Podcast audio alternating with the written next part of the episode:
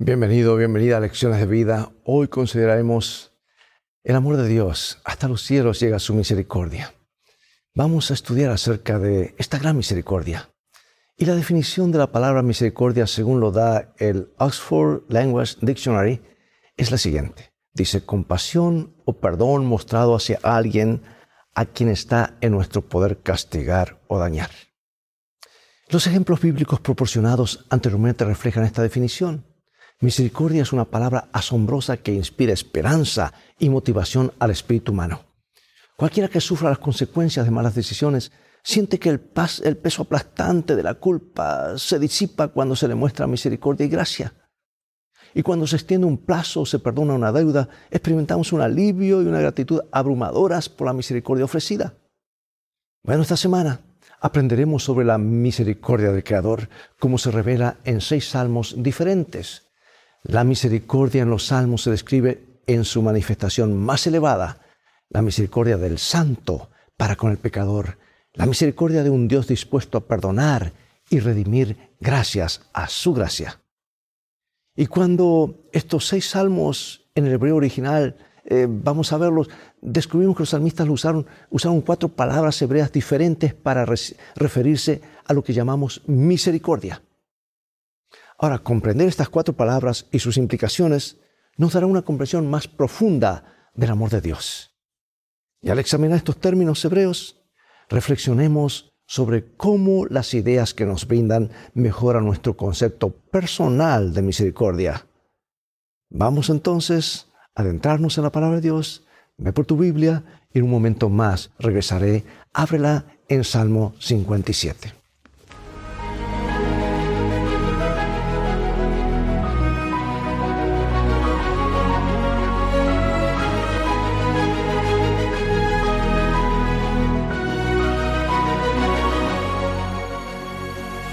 Dice Salmo 57, Te alabaré entre los pueblos, Señor, cantaré de ti entre las naciones. Los salmistas reconocen que son espiritualmente pobres y que no tienen nada bueno para ofrecer a Dios, es decir, que no tienen nada en sí mismos que los recomiende ante el santo trono de Dios. Entienden que como todos nosotros necesitamos gracia, la gracia de Dios. En resumen, necesitan el Evangelio y los salmos subrayan el hecho de que la gente depende de la misericordia de Dios por completo, aún para cada latido del corazón. Pero afortunadamente la misericordia de Dios es eterna, como lo demuestra la creación de Dios y la historia del pueblo de Dios. Ante el Dios eterno, la vida humana es tan efímera como la hierba, pero Dios se compadece de los seres humanos y renueva sus fuerzas. Y, él tiene eh, y en Él tiene las promesas de la eternidad. Amados, el pueblo de Dios se consuela con el hecho de que el Señor es fiel a su pacto. Lo dijo y Él no cambia. Por eso me preocupa cuando algunos lugares dicen que Dios salvaba de una manera, en el Nuevo Testamento salva de otra. No, Dios siempre salva de la misma manera. Es su gracia, su misericordia, la fe en el Cordero, lo que el Cordero de Dios haría. Y hoy miramos hacia atrás en la fe en el Cordero de Dios, en su amor y misericordia. Las súplicas del pueblo, aunque a veces sean apremiantes, suelen estar llenas de esperanza porque se dirigen a su compasivo Padre Celestial. Las nuevas experiencias de la gracia y el amor de Dios fortalecen su determinación de adorar y servir a Dios. A nadie ni a nada más, solamente al Dios Creador. Ahora, amados, el amor de Dios, siempre lo repetimos, es para siempre, no varía. Veamos qué pensamiento predomina en este salmo y dónde, se encuentra, dónde encuentra el salmista pruebas para que su declaración sea predominante.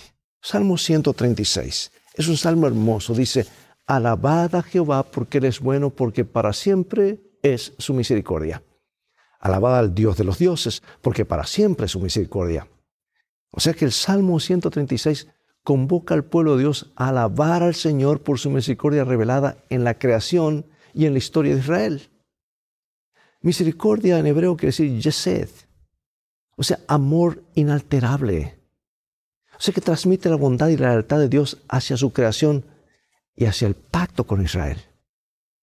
El Salmo muestra que el inmenso poder y la magnificencia de Dios se basan en su amor inquebrantable. El Señor es Señor de dioses, Señor de señores. Un modismo hebreo que significa el Dios más grande, eso es lo que quiere decir. No porque haya otros dioses, sino porque Él es el único Dios. Los grandes prodigios del Señor, que nadie más puede imitar, son la demostración innegable de su dominio. Dios creó los cielos con el poder de su palabra, la tierra, los cuerpos celestes, que los paganos adoran. Sin embargo, los salmos despojan de su autoridad a los dioses paganos y por extensión a toda otra fuente de seguridad humana. Son meros productos de la creación. No adores a lo creado, adora al creador. Ese es el llamado final. Son meras cosas creadas, no el creador. Así que hay una distinción fundamental y en el tiempo final, amados, ese va a ser el conflicto. Aquellos que adoran a Dios, al Creador que creó todo en seis días, o aquellos que adoran de acuerdo a otros, a, otros, eh, a la bestia, dice, a su imagen y otro poder. Oh, la imagen de la mano fuerte y del brazo extendido del Señor resalta la eficacia del poder de Dios y el gran alcance de su misericordia. La misericordia de Dios en la creación y en la historia debería inspirar a su pueblo a confiar en Él y a permanecer fiel a su pacto. Hay un estribillo, un corito que repite, porque su amor es para siempre, para siempre su misericordia. 26 veces se repite ese salmo para cantizar a los fieles que el Señor no cambia y repetirá sus favores pasados con cada nueva generación. Y aquí hago una pausa y te cuento, cuando inauguramos una iglesia en Texas, este fue el salmo que repetimos. Y decíamos, los ancianos decíamos al frente, y la congregación, porque para siempre su misericordia, para siempre. Fue un servicio de alabanza. Cómo Dios abrió unas puertas que parecían mar rojo imposible en un lugar ateo, uno de los más ateos de Norteamérica. Sin embargo, Dios abrió las puertas de una forma y lo hicimos con gratitud, elevando un salmo para siempre su misericordia. Amados, Dios se acuerda de su pueblo y es fiel a su pacto de gracia. La creencia en la misericordia perdurable del Señor está en la base misma de la fe bíblica que incluye la adoración jubilosa y la confianza, así como la contrición y el arrepentimiento. Si más y más hablásemos de esto en nuestros cultos, Dios sería glorificado para siempre su misericordia. Salmo 136 concluye con el cuidado universal de Dios por el mundo. La misericordia de Dios se extiende no solamente a Israel, sino a toda la creación. Hace salir su sol sobre justos, sobre buenos y malos, sobre justos e injustos. Así que el Salmo habla así de la universalidad de la gracia salvífica de Dios y exhorta al mundo entero a sumarse a Israel en alabanza al Señor. Pregunto, ¿de qué manera la imagen de Jesús en la cruz, que muere como sustituto por nuestra pecaminosidad, revela más poderosamente la gran verdad, hablando de Dios, de que su amor es para siempre? Hermanos, en ese púlpito llamado, ese monte Calvario, ese púlpito llamado cruz, se predica el sermón más solemne, sin expresar una sola palabra, mostrando que Dios es amor, Dios es justicia, diciendo cuánto valemos para Él. Para siempre su misericordia. Ahora encontramos un ruego de David en el Salmo 51. Al conocer la misericordia, el perdón de Dios, Él ruega crea en mí un corazón limpio. Ahora, ¿por qué apela a la misericordia de Dios? Él había caído en algo muy serio, adulterio y homicidio. Pensó que estaba todo arruinado, pero se aferró y clamó a Dios del profundo, de lo profundo del pozo. Y aquí está la oración que ha sacudido la vida de millones. Salmo 51. Ten piedad de mí, oh Dios, conforme a tu misericordia Conforme a la multitud de tus piedades, borra mis rebeliones. Lávame más y más de mi maldad y límpiame de mi pecado. O sea que el rey David derrama su corazón ante el Señor para pedir el perdón de los pecados durante los momentos espiritualmente más oscuros de su vida. El perdón, amados, es el extraordinario don de la gracia de Dios, el resultado de su inmensa ternura. El rey David, apela a Dios para que lo trate no conforme a lo que merece su pecado, sino conforme a su carácter divino, es decir, su misericordia, su fidelidad y su compasión. Ahora veamos cómo describe aquí el perdón de los pecados y cuál es el motivo del perdón divino. Sigamos leyendo este Salmo 51.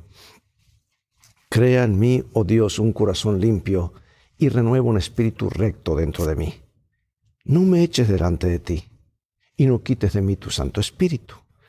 Yo no sé si aquí no está el secreto de la ganancia de almas, ¿verdad? Nuestra entrega plena al Señor, para que Él, cuando presentemos al Salvador del mundo, los pecadores se conviertan a Él. Amados, el perdón divino implica algo más que una proclamación legal de inocencia. Produce un cambio profundo que alcanza lo más íntimo del ser humano. Produce una nueva creación. El verbo hebreo bará, traducido como crear, describe el poder creador divino con el poder de su palabra, crear la materia. Solamente Dios puede varar, o sea, puede crear. Únicamente Dios puede producir un cambio radical y duradero en el corazón de la persona arrepentida. Es el poder que hay en la palabra, tanto hablada de Dios como la palabra escrita, el mismo poder. Y Dios, y David pide ahora purificación con hisopo, que era allí como una escobita, ¿verdad? para limpiar. Siente que su, su culpa lo mantiene proscrito de la presencia del Señor, del mismo modo que el leproso está proscrito de la comunidad mientras dura el estado de impureza. Teme que los sacrificios no puedan restaurarlo plenamente, porque no había sacrificio que pudiera expiar sus pecados premeditados de adulterio y asesinato. Únicamente la gracia divina incondicional podría aceptar el corazón contrito y humillado de David como sacrificio y, y devolver la, armonía con Dios.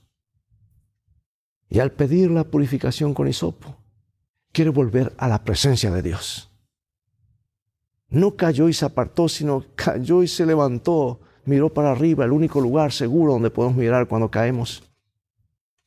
Si Dios pudo perdonar a David por adulterio, engaño y asesinato, ¿crees que hay esperanza para ti y para mí? Claro que sí. Y nuestra esperanza está en el santuario celestial, en lo que Jesús está haciendo, transfiriendo los méritos de su vida perfecta y su muerte perfecta a nosotros cuando nos acercamos confiadamente al trono de la gracia. Ahora, ¿cómo se describe la gravedad del pecado y la esperanza para los pecadores? Vamos al Salmo 130. Salmo 130. De lo profundo, Jehová, a ti clamo. Señor, oye mi voz, estén atentos tus oídos a la voz de mi súplica.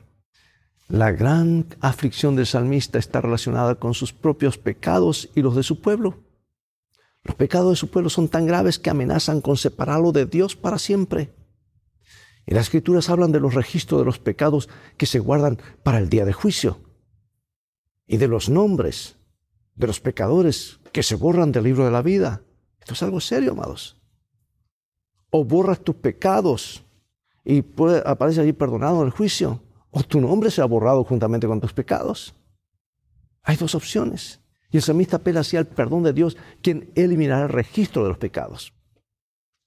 Bueno, aquí el doctor Hans Larondel explica esto y dice, Dios no es airado por, su, por naturaleza, su amor es eterno, su ira solamente se despierta cuando el hombre no aprecia su amor.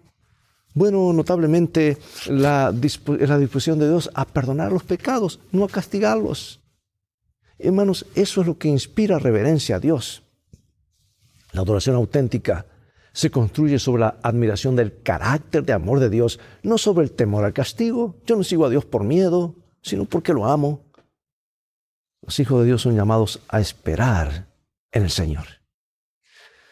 Bueno, hay otra palabra aquí que se traduce como esperar y es la palabra eh, lekavot, que es esperar.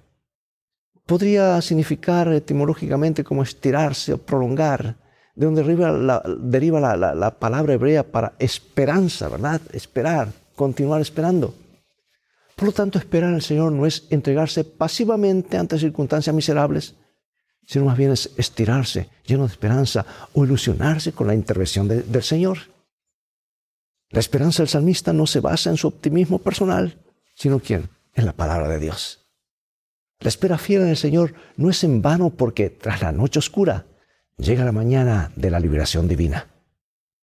Observa cómo la súplica personal del salmista se convierte en la de toda la comunidad. El bienestar personal de él, eh, de, todo el pueblo, son inseparables, lo de él y del pueblo. Por ende, cuando oramos, amados, no oramos únicamente por nosotros mismos, sino por la comunidad. Y tu oración va a ser un impacto sobre ti sobre los que te rodean.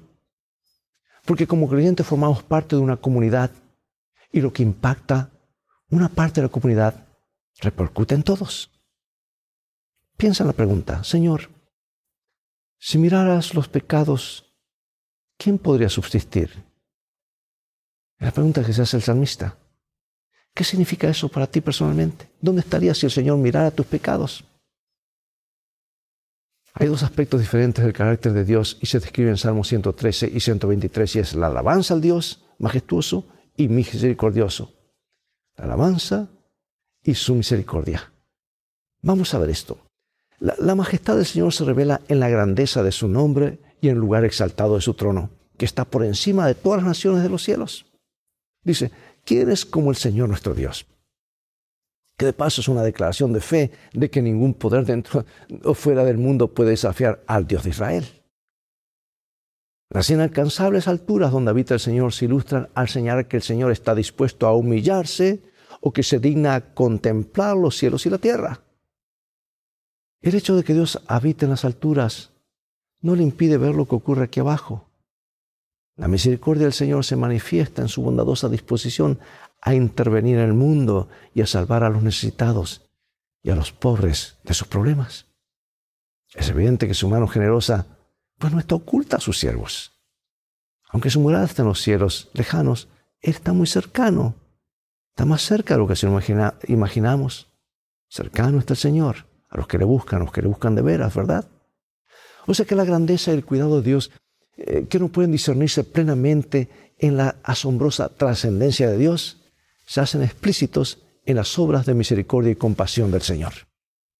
Los necesitados, los pobres, los oprimidos pueden experimentar de primera mano el poder soberano de Dios en las notables intervenciones que Él pueda realizar en su favor. Y lo está haciendo, y lo hace cada día. Y a veces Dios te usa a ti y a mí como instrumentos para intervenir en la vida de esas personas. El Dios exaltado manifiesta su grandeza al utilizar su poder para exaltar a los abatidos. El pueblo es libre de acercarse, está libre para acercarse al Señor porque su soberana majestad y su supremacía no, no cambian el hecho de que Él es su bondadoso creador, sustentador, a cada uno en forma individual, como pueblo, como humanidad. Y lo hace a través de su Hijo amado. Y de esta manera, la adoración está motivada no solamente por la magnificencia de Dios, sino también por su bondad. ¿Sabes que la alabanza no está limitada por el tiempo ni el espacio? La grandeza y la misericordia de Dios se manifiestan mejor en Jesucristo, quien estuvo dispuesto a descender del cielo y ser batido hasta la muerte en la cruz para elevar a la humanidad caída, como dice Filipenses, capítulo 2. Vuelvo a repetir, allí en la cruz tenemos las máximas razones para adorar y alabar a Dios por lo que ha hecho por nosotros. Medita en la cruz y lo que allí sucedió en tu favor. ¿De qué te ha salvado Jesús? ¿Por qué es tan importante tener presente la cruz? Ahora, veamos aquí cómo describe la misericordia de Dios el salmista en Salmo 103. Salmo 103. Bendice, alma mía, a Jehová, y bendiga todo mi ser su santo nombre. Bendice, alma mía, a Jehová, y no olvides ninguno de sus beneficios Eres quien perdona tus iniquidades, el que sana tus dolencias, el que rescata del hoyo tu vida, el que te corona de favores y misericordias, el que sacia de bien tu boca de modo que te rejuvenezcas como el águila. ¡Qué promesa! Salmo 103. Mira, memorízalo, guarda en los pasillos de tu memoria. Porque este salmo enumera las múltiples bendiciones del Señor, que incluye todas las cosas buenas para una vida próspera. Estas bendiciones se basan en el carácter misericordioso de Dios y en su fidelidad al pacto con Israel. Porque ese Señor se acuerda de la fragilidad y la fugacidad humanas y se compadece de su pueblo. El recuerdo es algo más que una mera actividad cognitiva. Implica un compromiso que se expresa en acción. Dios libera y sostiene a su pueblo.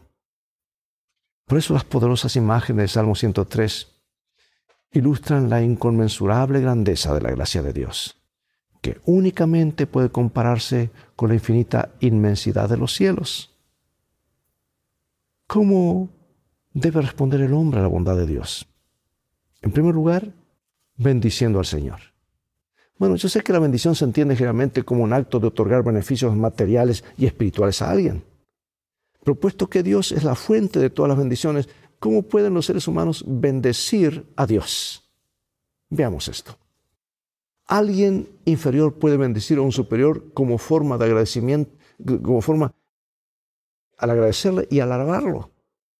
Dios bendice a las personas confiriéndoles el bien. Y las personas bendicen a Dios alabando el bien que hay en Él o lo que Dios les da, es decir, reverenciándolo por su carácter misericordioso. No es que tú y yo vamos a dar una bendición a Dios, no tenemos nada que dar nosotros, y mucho menos a Dios, excepto nuestro corazón pecaminoso. Pero lo bendecimos como resultado de que Él nos da a nosotros y nosotros lo alabamos. Esa es la bendición que Dios recibe de nuestra parte, el reconocimiento. Recordar que su beneficio y su pacto, al igual cual nos recuerda también que somos débiles, su pacto de amor nos lleva a una respuesta de amor. Recordar es un aspecto esencial de la relación entre Dios y su pueblo. Del mismo modo que Dios recuerda sus promesas al pueblo, el pueblo debe recordar la fidelidad de Dios y responderle con amor y obediencia. Es por eso que la adoración tiene una, algo muy importante. Dios viene de Dios primero y yo respondo a Dios de acuerdo a lo que Dios me ha mostrado en su misericordia, en su amor. Y ahí se establece el diálogo. Dice este hermoso libro, El deseado de toda la gente. Sería bueno que cada día dedicásemos una hora de reflexión en la contemplación de la vida de Cristo debiéramos tomarla punto por punto y dejar que la imaginación se posesione de cada escena, especialmente de las finales. Bueno, el significado de la confesión solemne de la misericordia perdurable de Dios ahora adquiere un significado aún más profundo cuando recordamos que la gesed de Dios, es decir, su bondad y su fidelidad relacionadas con su pacto, se mantienen firmes e inmutables en medio del pecado humano y la rebelión en contra de Dios. Este hermoso librito, Palabras de Vida del Gran Maestro, nos dice, hemos pecado contra Él y somos indignos de su favor. Sin embargo, Él mismo ha puesto en nuestros labios la más maravillosa de las súplicas. No nos deseches, no deshonres tu trono glorioso, haz honor a tu nombre.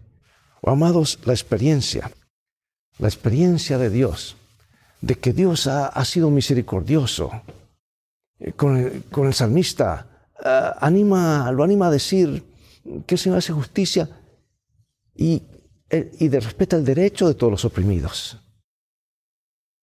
O sea que el objetivo final del testimonio personal del salmista y de la alabanza de la misericordia de Dios en su vida es transmitir seguridad a otros acerca de la bondad amorosa de Dios, para que ellos también puedan abrir su corazón a Dios y recibir su gracia salvífica y alabar a Dios. Pregunto, ¿qué conclusiones prácticas extraes del hecho de que la misericordia de Dios es eterna? Pero una vez te digo, no abuses de la misericordia de Dios. Porque esto no significa que se pueda seguir pecando dado que la misericordia de Dios es eterna. Dios tiene un límite, pero nos da oportunidades para hacer lo correcto en el momento correcto. Pero acuérdate, hay un juicio. Ahora, ¿cómo conciliamos el perdón de Dios de nuestros pecados con la idea del juicio de Dios sobre el pecado. Esa es la gran pregunta, ¿cómo puedo salvar a un pecador y al mismo tiempo ser un Dios de amor? En la cruz explicó que es justicia y es amor. O hermanos, el libro de los Salmos y el Nuevo Testamento nos hablan acerca de eso. Podemos confiar en un Dios de amor, en un Dios de justicia. Dios nos ayude a poner nuestros ojos en aquel que es el autor y consumador de nuestra fe. En un Dios que es todo amor, es todo justicia. Si fuese solamente justicia, estaríamos perdidos. Pero es amor. Y en la cruz demuestra que estuvo dispuesto a pagar esa justicia que nos comprendía a nosotros. La cargó sobre sí para mostrar cuánto nos ama. Bueno, para concluir, hay lecciones claras para nuestra vida espiritual en el estudio de las expresiones misericordia, que hemos estudiado hoy en esta lección. Número uno, la lección obvia es que el Señor nos da su asombrosa misericordia a pesar del hecho de que no lo merecemos. Y la seguridad de este don debería liberarnos de la ansiedad, de la conciencia culpable y de las sombras de nuestro pasado. Número dos, la palabra Gesed, o sea, misericordia, es más que un sentimiento tierno en el corazón de Dios, es liberación y protección. Es una acción real de parte de Dios hacia su pueblo. Una tercera lección. La compasión del Señor es eterna, es decir, siempre está disponible para nosotros. Si no lo aprovechamos, es porque todavía estamos en pecado, no porque hayamos agotado los límites del amor de Dios. Después tenemos la misericordia o Raham, que encarna el concepto de que el más grande de todos los seres está dispuesto a inclinarse para levantarnos y llevarnos a sus brazos. Desde su posición superior, Él condesciende a nosotros mostrando su compasión. Y la lección número 5, hallar favor ante los ojos de, Jehová implica que estamos dispuestos y abiertos a recibir la gracia de Dios. Y finalmente, Selihan, que es otra expresión que habla de misericordia, nos proporciona nuevos conocimientos sobre las profundidades y la amplitud de la bondad amorosa de nuestro Creador.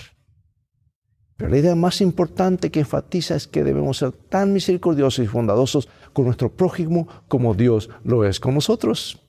Nuestra relación con Dios influye en nuestra relación horizontal, ¿verdad? Así que todas estas lecciones son magistralmente reunidas por Jesús en la parábola del siervo que no perdona donde ilustra el deseo de Dios del Antiguo Testamento hacia nuestra condición desesperada. La narración sugiere que nosotros, los creyentes, somos el hombre cruel y despiadado de la parábola. Y esta sobria comprensión debería hacernos reflexionar con gratitud y con humildad sobre la gracia y la misericordia que hemos recibido gratuitamente de nuestro Padre Celestial. Dios nos ayude a ser misericordiosos como lo es nuestro Padre que está en los cielos. Sed pues perfectos, sed pues misericordiosos, como lo es perfecto y misericordioso vuestro Padre que está en los cielos. Oremos. Padre Celestial, si no fuese por tu amor, estaríamos perdidos. Si no fuese por tu justicia, también estaríamos perdidos, porque tendríamos que cargar sobre nosotros el peso de la desobediencia. Pero alguien tuvo que cargarlo y tú lo hiciste en la persona de tu Hijo en la cruz del Calvario, para que nosotros seamos libres, para que podamos vivir en libertad de elegir seguir al Señor o rechazarlo. Gracias por tanto amor, gracias por tu misericordia, que nos alcanza cada día. Cada latido del corazón indica cuán misericordioso eres con nosotros. Nos das un día más de oportunidad hoy. Ayúdanos a hacer lo correcto. Amarte, alabarte agradecerte y de esa manera estamos bendiciendo tu nombre al ser agradecido por todo lo que nos has dado, lo que nos estás dando y lo que nos darás. Gracias por bendecirnos en el nombre de Jesús. Amén. Bien amigos, llegó el momento de despedirnos. Será hasta el próximo programa de la Escuela Sabática del Libro de los Salmos. Invita a otros a sintonizar este canal y transfórmate tú en un canal de bendiciones. Mientras tanto, Dios te bendiga y recuerda, tú vales mucho para Jesús. Él te ama más de lo que puedes imaginar. Y en el viaje de la vida, las cosas van a terminar bien si hacemos los principios de este libro, la Biblia, nuestro GPS, y a Jesús como nuestro guía. Maranatha, Dios te bendiga.